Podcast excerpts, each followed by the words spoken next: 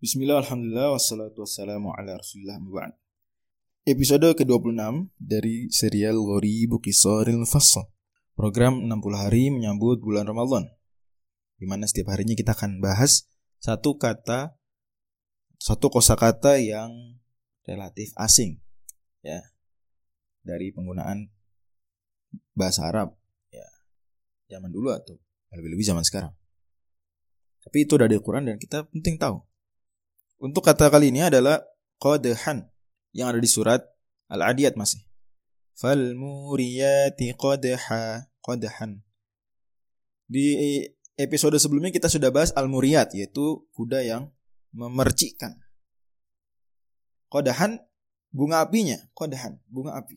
Kalau kita lihat umpama apa ya? Kereta. Ya, kadang ketika melintas besi ketemu besi keluar percikan-percikan.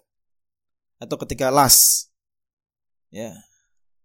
Kita melihat atau mohon maaf misalnya bes, memotong besi dengan alat pemotong besi. Kita melihat ada percikan-percikan. Dan percikan itu nggak hanya karena besi ketemu besi ini benturan benda dengan benda juga bisa memunculkan hal tersebut seperti hentakan kaki kuda kukunya atau sepatunya ke permukaan tanah. Keluarlah kodahan. Kodahan berarti apa? Bunga-bunga api percikan-percikan api Kemudian kodahan kan kodah ya.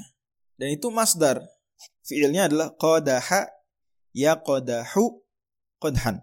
Kodaha ya kodahu kodhan. Yang artinya adalah mencela. Mencela. Ya misalnya kodaha fulanun fulanan. Ya. Atau fi biasanya pakai fi. Kodaha fulanun fi fulanin. Misalnya kodaha zaidun fi amrin. Zaid mencela Amr. Kodah, kodah.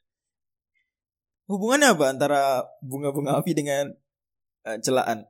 Hubungannya ya sesuai dengan makna istiqoqi daripada kof, dal, dan ha itu sendiri, yaitu apa? Gesekan, gesekan. Dua benda, gesekan. Ya. Kodahan yang artinya uh, apa namanya bunga api sudah jelas karena dia dihasilkan dari gesekan.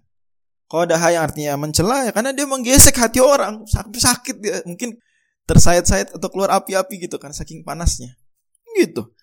Juga orang Arab punya kodah bejana. Karena bejana dipakai untuk masak. Ya masak ada api-apinya. Juga orang Arab punya kidah itu kayu bakar.